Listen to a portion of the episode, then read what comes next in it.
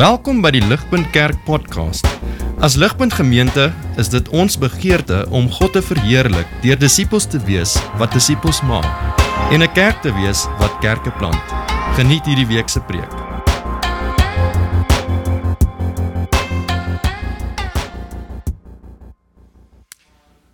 Vriende, die kerk word baie keer vereenselwig of ehm um, vergelyk met die beeld van 'n lewensreddingsboot.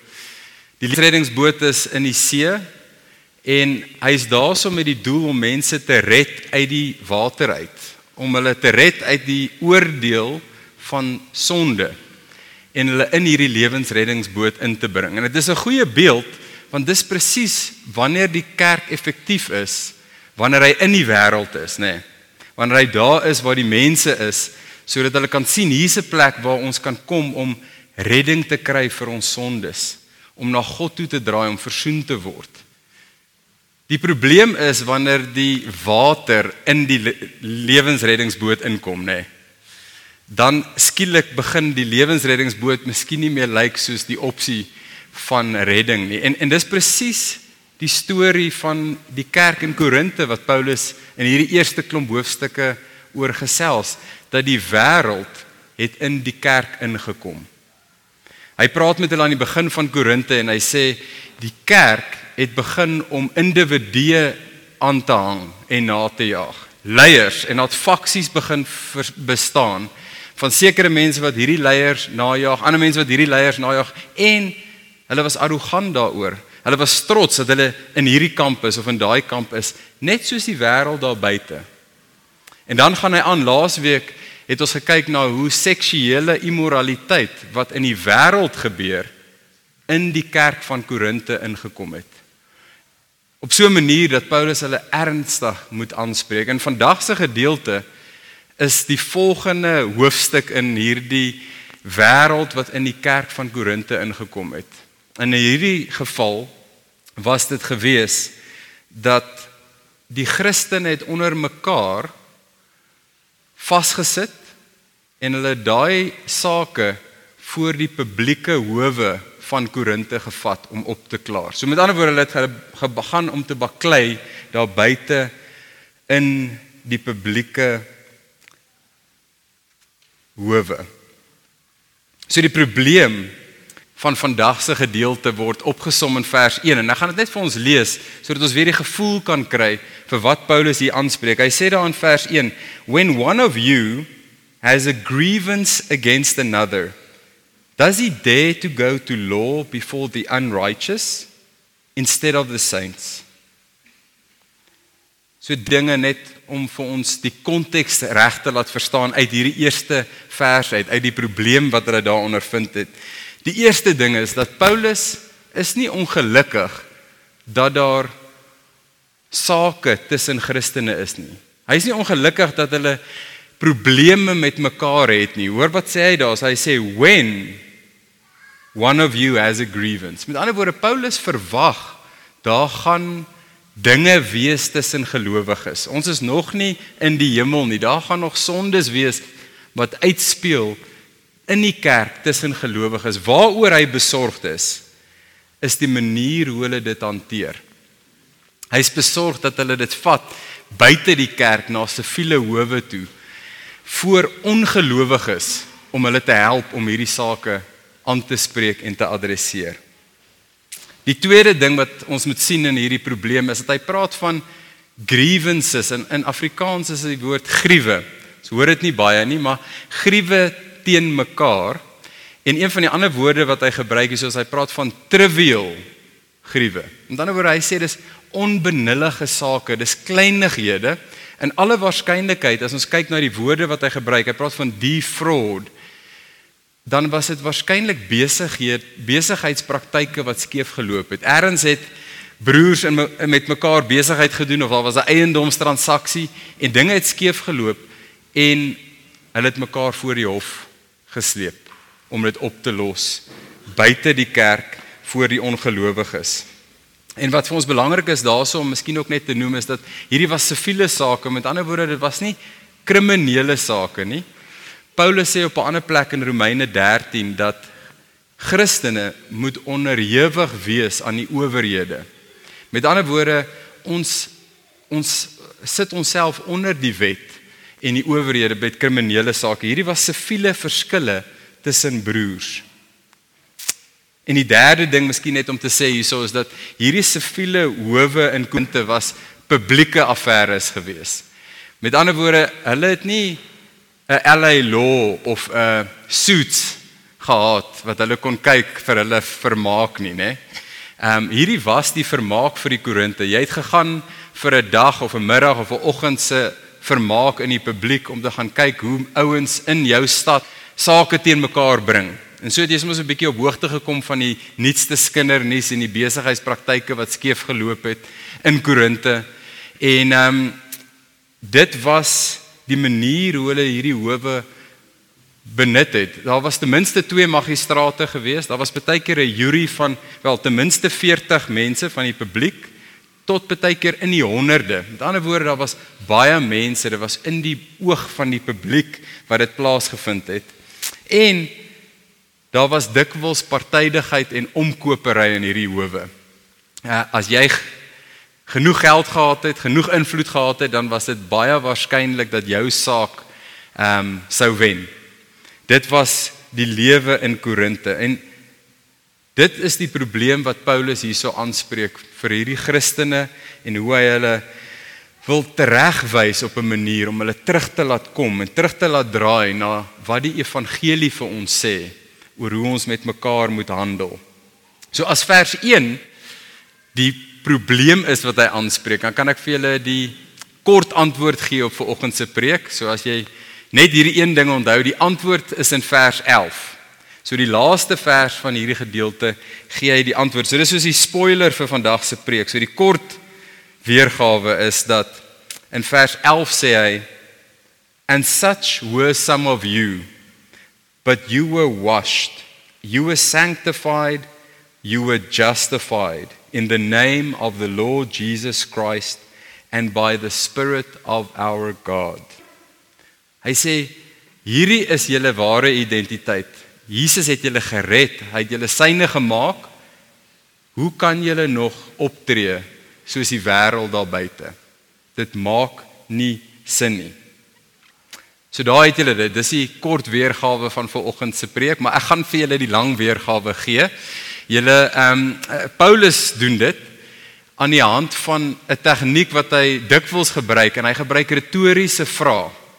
En hierdie vrae gebruik hy om hierdie Christene in Korinte te vra sodat hulle kan besin en kan dink en kan reflekteer oor wat hierdie identiteit van hulle as geredde Christene kinders van God beteken aan die hand van hierdie manier waarop hulle nou optree.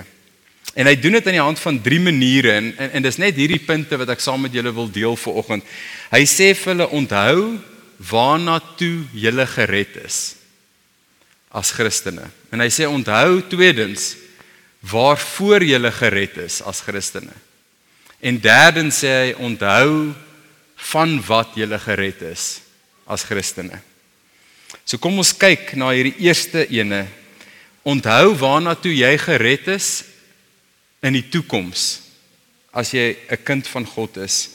En die retoriese vraag wat hy hierso vra is in daai vers 1b, die tweede gedeelte van vers 1 tot vers 3. Hy sê Do you dare to go to law before the unrighteous instead of the saints?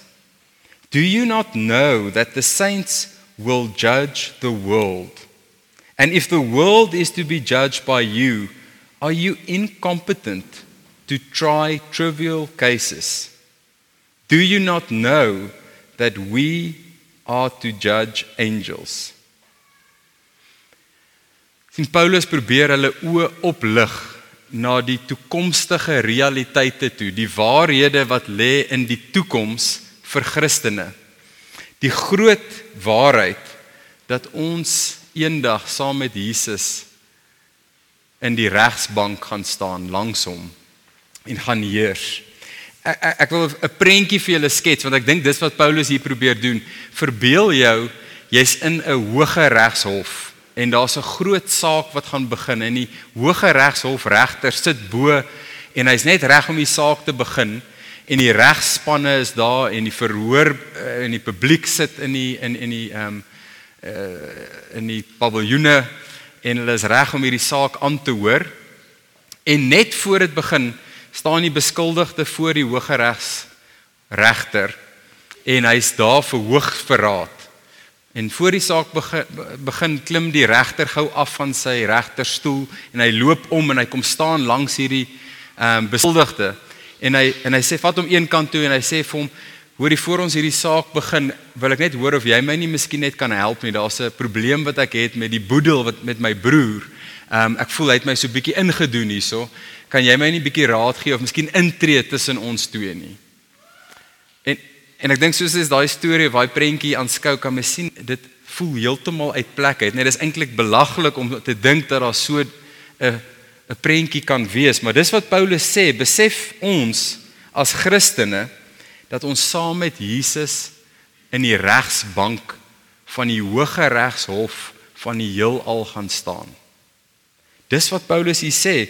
Eh, hierdie waarheid is amper te groot vir ons om om regtig waar te kan klein kry. Hy Hierdie kom van 'n klomp gedeeltes in die Bybel wat Paulus hierso saamvat.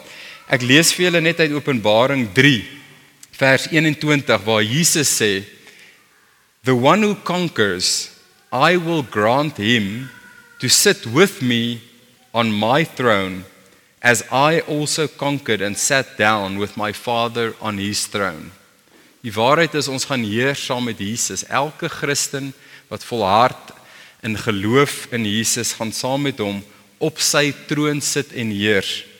Maar in Lukas 22 gaan Jesus verder waar hy praat met sy volgelinge, sy disippels en hy sê vir hulle and I assign to you as my father assigned to me a kingdom that you may eat and drink at my table in my kingdom and sit on thrones judging the 12 tribes of Israel. Christen besef julle, besef ons dat ons gaan heers en oordeel saam met Jesus. Die grootheid en die voorreg hiervan is eintlik te groot vir ons om werklik te kan begryp. Hy sê selfs die engele, die hoogste orde van geskape wesens, gaan voor daai troon verskyn waar ons langs Jesus gaan staan. Dis die roeping, dis die grootsheid van waarheen elke Christen op pad is. Dis die beloofde land waartoe ons bestem is. Dis waarheen hierdie reddingsbootjie, die kerk, op pad is na. Is om te heers en te oordeel saam met Jesus. So in die lig daarvan sê Paulus, hoe durf ons medegelowiges voor die howe in die publiek van die wêreld neem? Hoe durf ons? Wat is die alternatief? So wat moet ons doen, Paulus? En hy sê daar in vers 4 en 5, hy sê so if you have cases, why do you lay them before those who have no standing in the church? I say this to your shame. Can it be that there is no one among you wise enough to settle a dispute between brothers? Skaam julle sê Paulus. Is daar niemand onder julle wat kan help om hierdie sake tussen broers op te klaar en te hanteer nie. Moet julle dit na buite toe vat na die howe toe.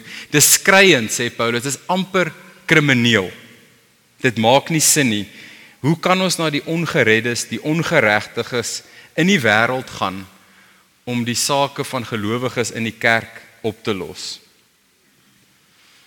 Nou ligpunt ons vat miskien nie mekaar hof toe nie, maar ek wonder hier in ligpunt as daar huweliksprobleme opduik in ligpunt. Waarheen hardloop ons? En ek dink so dikwels gaan ons na buite die kerk om te probeer hulp kry, nê. Nee. Ons gaan na 'n klomp ander plekke toe, maar ons gaan nie na binne in die kerk en ons soek 'n wyse Christen koppel wat ons mee kan praat om ons situasie en ons probleme mee te deel sodat hulle 'n pad saam met ons kan stap sodat ons hierdie herstel kan bewerk nie. Ons is so vinnig om na buitentoe te gaan en dikwels vind ons eers hier in die kerk uit dat daar probleme is wanneer dit klaar by die prokureurs is. En dan is die geveg alreeds op wêreldse terme. Dan is dit so moeilik om rekonsiliasie te bewerkstellig. En as daar ongelukkighede is tussen mede-ligpunters. En ek dink selfs soos ek dit hierso noem, is ek seker meeste van ons hierso sal kan dink aan situasies in ligpunt waar daar ongelukkighede is tussen medegelowiges. Selfs van ons wat ongelukkighede het met mekaar. Waarheen gaan ons om daai dinge op te klaar? Om daai dinge op te los? Dis hoekom ons ligpunt gesinne het sodat ons dit in daai konteks kan hanteer. Dis hoekom ons ligpunt gesinsleiers het sodat ons dit met die hulp van hierdie leiers kan adresseer. Dis hoekom ons ouderlinge het sodat ons met die hulp van die ouderlinge ook hierdie sake kan adresseer in die lig en aan die hand van die toekoms waarna ons geroep is.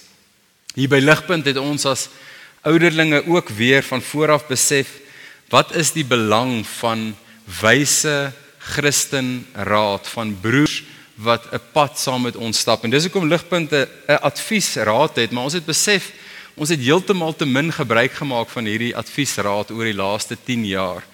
En dis hoekom ons ook opnuut toegewyd en committed is om hierdie adviesraad fermer en sterker op die been te kry soos ons die pad vorentoe stap.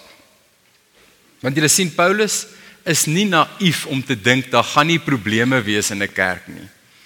Hy weet daar gaan probleme wees. Ons is almal 'n work in progress. Ons is almal nog besig om vernuwe te word deur die gees van God. Maar waaroor Paulus egter baie besorgd is, is die manier hoe ons hierdie dinge hanteer.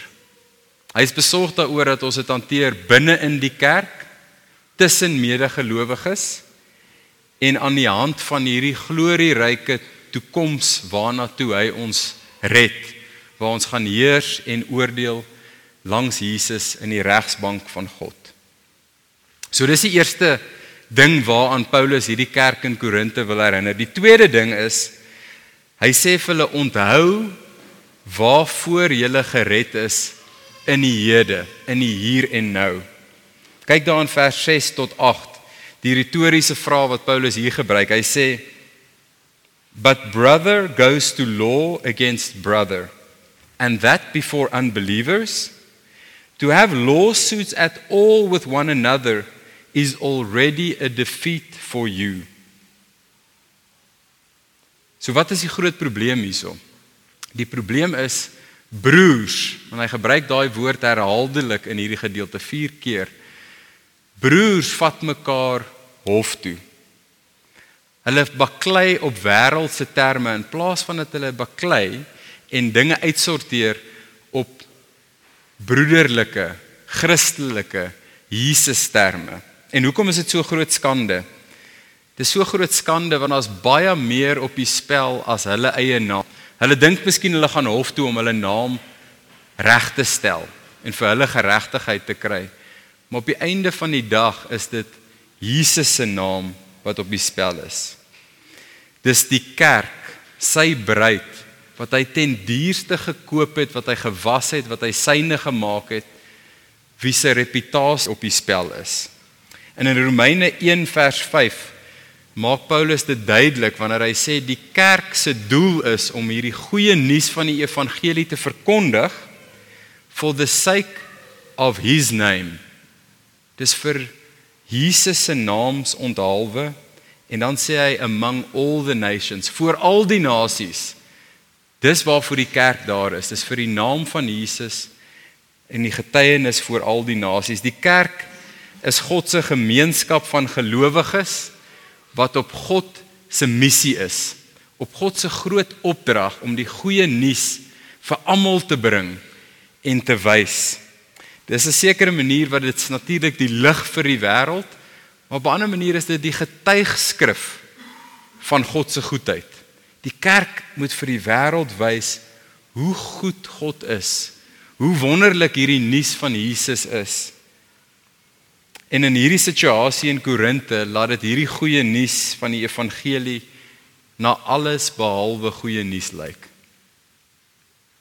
Die feit dat die Korintiërs mekaar voor die hof sleep, sê Paulus beteken hulle het klaar verloor. Hulle is klaar oorwin. Hulle die nommer 1 roeping van die kerk om 'n lig in die wêreld te wees, het hulle ondermyn, hulle het dit ondergrawe. Hulle het 'n gat in die reddingsboot gemaak. En die water is besig om hierdie reddingsboot te sink. Want selfs al wen jy die saak, Christen, sê Paulus vir hulle. Selfs al wen jy die saak, het jy verloor as 'n Christen. Die kerk het verloor en Jesus se naam is deur die modder gesleep. Paulus sê you are already defeated. Jy's besig om te sink. Nou Christen en ligpunter en besoeker in ons konteks vandag mag ons nie noodwendig miskien mense voor die hof sleep nie. Miskien is dit te duur vandag om dit te doen, anders het ons miskien meer. Dit gebeur party van tyd tot tyd. Dit, maar miskien sleep ons nog steeds ons broers en susters voor die hof van die publieke opinie met ons monde en wat ons sê van mekaar. Hoe praat ek en jy van die kerk? Hoe praat ek en jy van medige gelowiges binne in die kerk, maar nog belangriker, hoe praat ons buite die kerk voor die wêreld van mekaar? Want as ons negatief is, as ons dinge sê wat afbreekend is, dan het ons ook klaar verloor en Jesus se naam deur die modder gesleep. So wat s'e alternatief? Wat moet ons dan doen as daar sulke sake is wat opduik tussen gelowiges? Wel Paulus sê vir ons in vers 7 tot 8. Hy sê why not rather suffer wrong? Why not rather be defrauded? But you yourselves wrong and defraud even your own brothers. Sien ons samelewing, vriende, is behep met ons regte en om geregtigheid te kry vir myself om seker te maak dat ek reg lyk in die oë van ander mense. En dis wat die wêreld daar buite doen, maar dis wat ons ook sien in hierdie gedeelte wat deel geword het van die kerk in Korinte. Hulle naam was die ding wat vir hulle belangrik geword het. Hulle regte was die ding wat hulle na omgesien het. En vriende, ek wonder of dit nie maar partykeer ook gebeur hier by ons tussen Christen broers en susters nie. As ons voel daar's 'n onreg wat gepleeg is teenoor my, hoe tree ek op? Is ons nie maar dikwels so gestel daarop dat ek geregtigheid moet sien geskied vir my ontwil nie? Of is ons bereid om maar te sê ek sal dit laat vaar? Ek sal dit verdra nie vir my onthaalwe nie, maar vir Jesus se onthaalwe en vir sy kerk en sy bruid se onthaalwe. Is ons bereid om daai dinge op sy te sit en aan te beweeg? Hoor wat sê Jesus hieroor in die bergprediking vir sy volgelinge. Hy sê You have heard that it was said an eye for an eye and a tooth for a tooth but I say to you Do not resist the one who is evil. But if anyone slaps you on the right cheek, turn to him the other also. And if anyone would sue you and take your tunic, let him have your cloak as well. And if anyone forces you to go one mile, go with him two miles. Give to the one who begs from you, and do not refuse one who would borrow from you. You have heard that it was said, You shall love your neighbor and hate your enemy.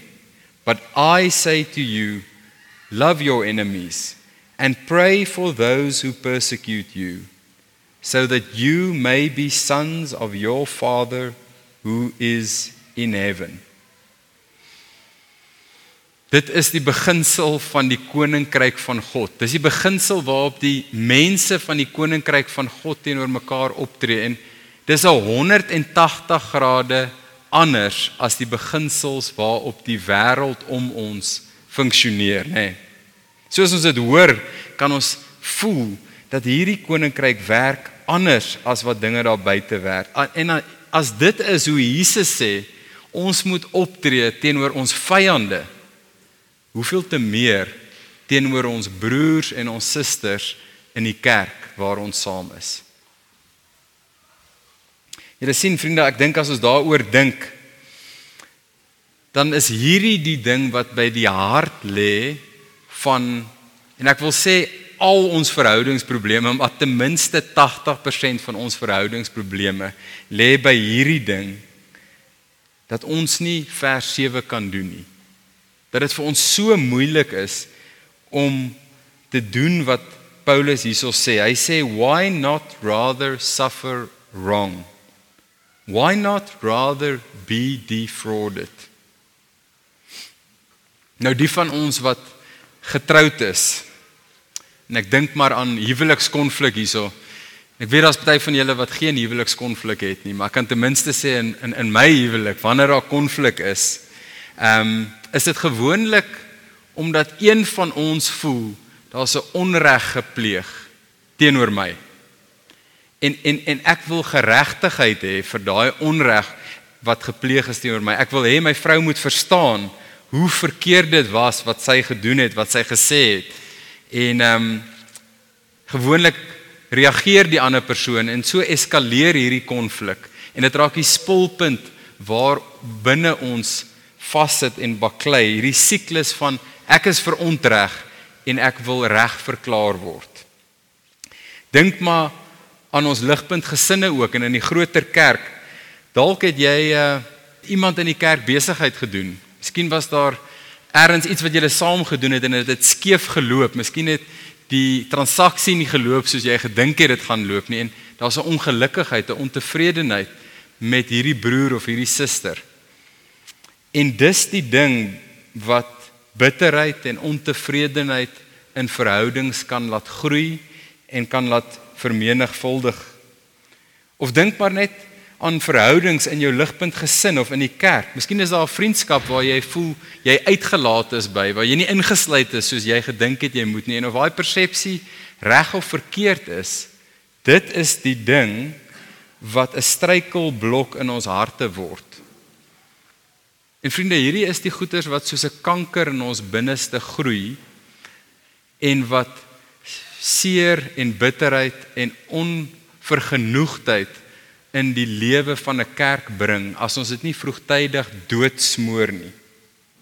En die teenmiddel, die manier hoe ons hierdie gif en hierdie kanker teenwerk is wat Paulus vir ons hier probeer wys na. Dis eenvoudig om ons oë te vestig op Jesus as die voorbeeld van hoe ons moet optree. Want Jesus is uiteindelik die een wat al sy regte neergelê het, nê. Hy het uit die hemel van sy troon af afgekom aarde toe om self verneder om 'n mens te word wat gebore is in die eenvoudigste van omstandighede in 'n situasie waar daar vrae was rondom wie sy pa was. Hy het homself leeg gemaak van al sy voorregte van al sy regte as die koning van die heelal. Hy is bedrieg deur een van sy beste vriende.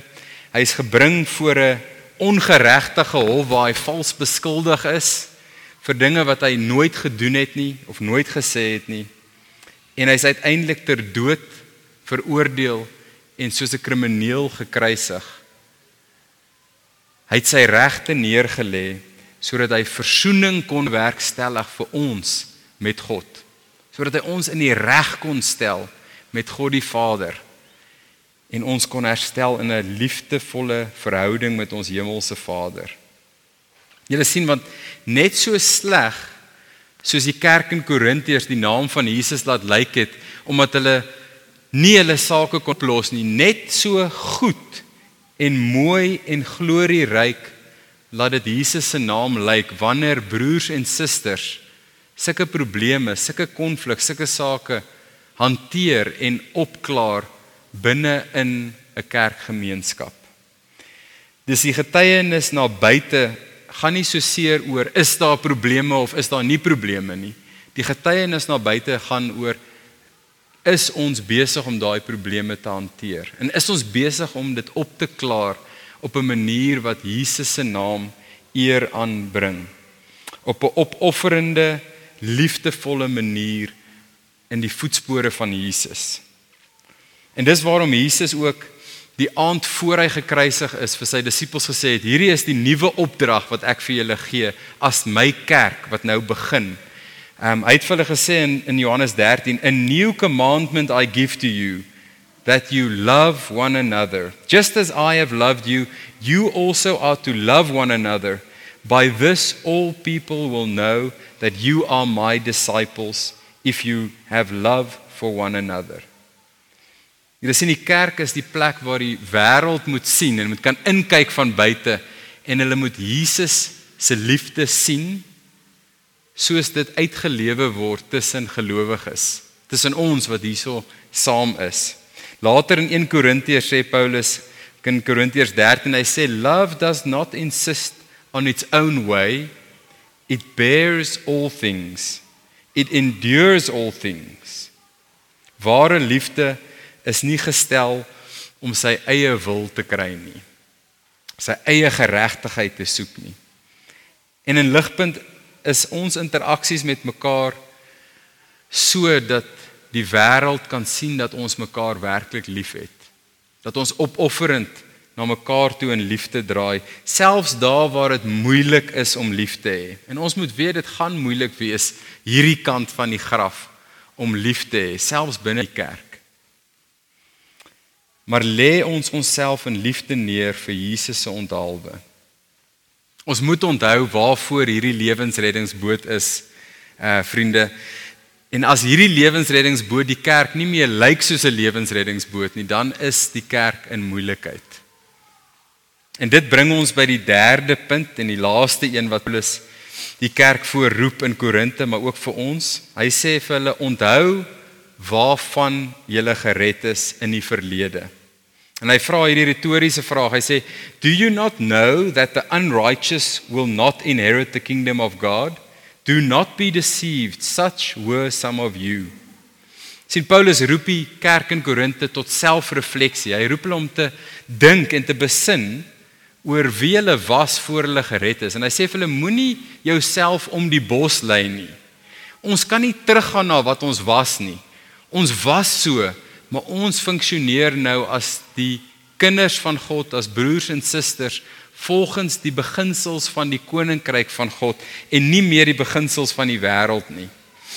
En en hoor die lys sondes wat hy hierson noem, ehm um, wat hulle was in hulle lewe voor hulle Christene geword het. En en ek dink hierdie lys praat so van ons samelewing ook. Hy sê daar in Korintiërs 1 vers 6 9 tot 10. Hy sê Do not be deceived, neither the sexually immoral, nor idolaters, nor adulterers, nor men who practice homosexuality, nor thieves, nor the greedy, nor drunkards, nor revilers, nor swindlers will inherit the kingdom of God. En vriende, as ons eerlik is, dan kon almal van ons van daai sondes afmerk voor ons tot bekering gekom het voor ons ons geloof in Jesus gesit het. En of jy 3 of 4 of 5 of een van daai sondes kon afmerk, ons was almal in die verkeerd gewees. En as ons regtig eerlik is met onsself, dan weet ons dat daar was selfs tye waar ons as gelowiges weer op daai pad van van daai sondes begin afbeweeg het. En miskien is daar van ons hierso wat selfs nou op van daai paaie weer terug gaan en in sonde terugval en in die houvas van sonde onsself bevind. En of dit seksuele sondes wat hy hier uitnoem, seks voor die huwelik of buite die huwelik en hy praat van 'n huwelik hierso as 'n huwelik tussen een man en een vrou. En of dit geldgierigheid is wat uitspeel in oneerlike besigheidspraktyke in belastingontduiking. En of dit sonde is van die tong van hoe ons praat van ander. Hoe daar baie keer 'n leuen te maklik oor ons lippe glip. Wat ook al dit mag wees vir jou. Paulus se waarskuwing is hierso: ons kan nie teruggaan soontoe nie. Ons is nie meer daai mense nie. Jesus het ons gered. Hy het ons gewas, hy het ons syne gemaak. Moet ons self nie mislei nie. Die wat onbekeerend volhard in hierdie sonde sê Paulus daar in vers 9 en 10 sal nie die koninkryk van God beerwe nie. Vir die wat aanhou om dit 'n lewenstyl te maak. En dit bring ons vriende om mee af te sluit vol sirkel weer by die antwoord uh in vers 11 waar Paulus vir hierdie kerk sê but you were washed you were sanctified you were justified in the name of the Lord Jesus Christ and by the spirit of our God Hy sê vir hulle ons was daai mense gewees maar deur die naam van Jesus Christus ons Here en deur die gees van God wat nou in ons werk, is dit nie meer wie ons is nie. Daar's nie lewe daar nie. Die lewe is hierdie nuwe lewe in Jesus. En hy sê drie dinge vir hulle daar. Hy sê vir hulle ons is gewas. Dis in die verlede tyd. Die wat in Jesus is, is gewas van die skuldlas van ons sonde, die klagstaat wat teen ons gestaan het. En soos Dawid sê in Psalm 51, die wie God van hulle sondes was is witter as sneeu. Daar's niks meer wat teen ons getel kan word nie. Ons is skoon gewas. En die tweede ding wat hy vir hulle sê, hy sê ons is, hy het ons gesanctify. Hy het ons heilig gemaak en heilig verklaar. Ons is sy mense, ons is sy tempel waar sy teenwoordigheid nou wandel. Ons is afgesonder vir hom as sy heilige mense. En die derde ding wat hy vir hulle sê, is hy sê vir hulle en God het ons geregverdig. God het ons regverdig verklaar voor hom. En as ons mooi dink daaroor, is hierdie hoftaal wat hy gebruik, nê. Nee. Paulus gebruik hoftaal hierso van die een hof wat uiteindelik vir alle ewigheid gaan saak maak. Jy sien elke ander hof uitspraak is tydelik, maar daar's een hof wat sy uitspraak vir alle ewigheid gaan hou. Dis die hoë regshof van God aan die einde van tyd waar elke mens voor God gaan verskyn. En Paulus sê hierso vir jou Christen is jy klaar geregtig verklaar in Jesus in daai hof. Die oordeel is weg. Ons is vrygespreek. Ons skuld is afgehandel en daarom kan ons ander vryspreek. Die feit dat ons skuld in daai hof weg is, beteken ons kan klein onbenullige sake in die hier en die nou neerlê. Dis oukei okay om gerang te wees. Dis oukei okay om gedefraud te wees, want ons weet dis kleinighede. Dis onbenullighede in die groter glorieryke toekoms waantoe God ons red. En daarom kan ons in die hede nou lewe soos mense wat in Jesus se voetspore volg, wat ander kan vryspreek en wat onthou waarvan ons gered is en waarheen ons op pad is. Vriende, ek gaan daar stop en vir ons bid en vra dat die Here hierdie waarhede in ons lewens sal laat insak en sal laat vrug dra hier in Ligpunt, maar ook al buite in die wêreld waar ons sy naam uitleef en uitdra.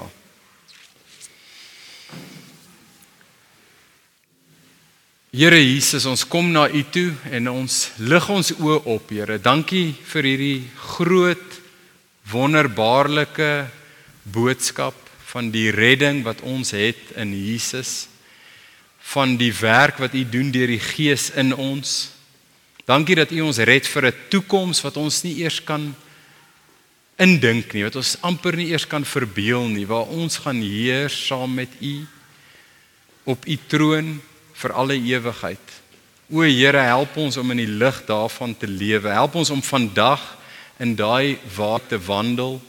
En Here, op die manier hoe ons met mekaar in ligpunt en as gelowiges in die kerke waar ons is, teenoor mekaar optree, Here, mag dit ingekleer en bepaal word deur daai waarheid.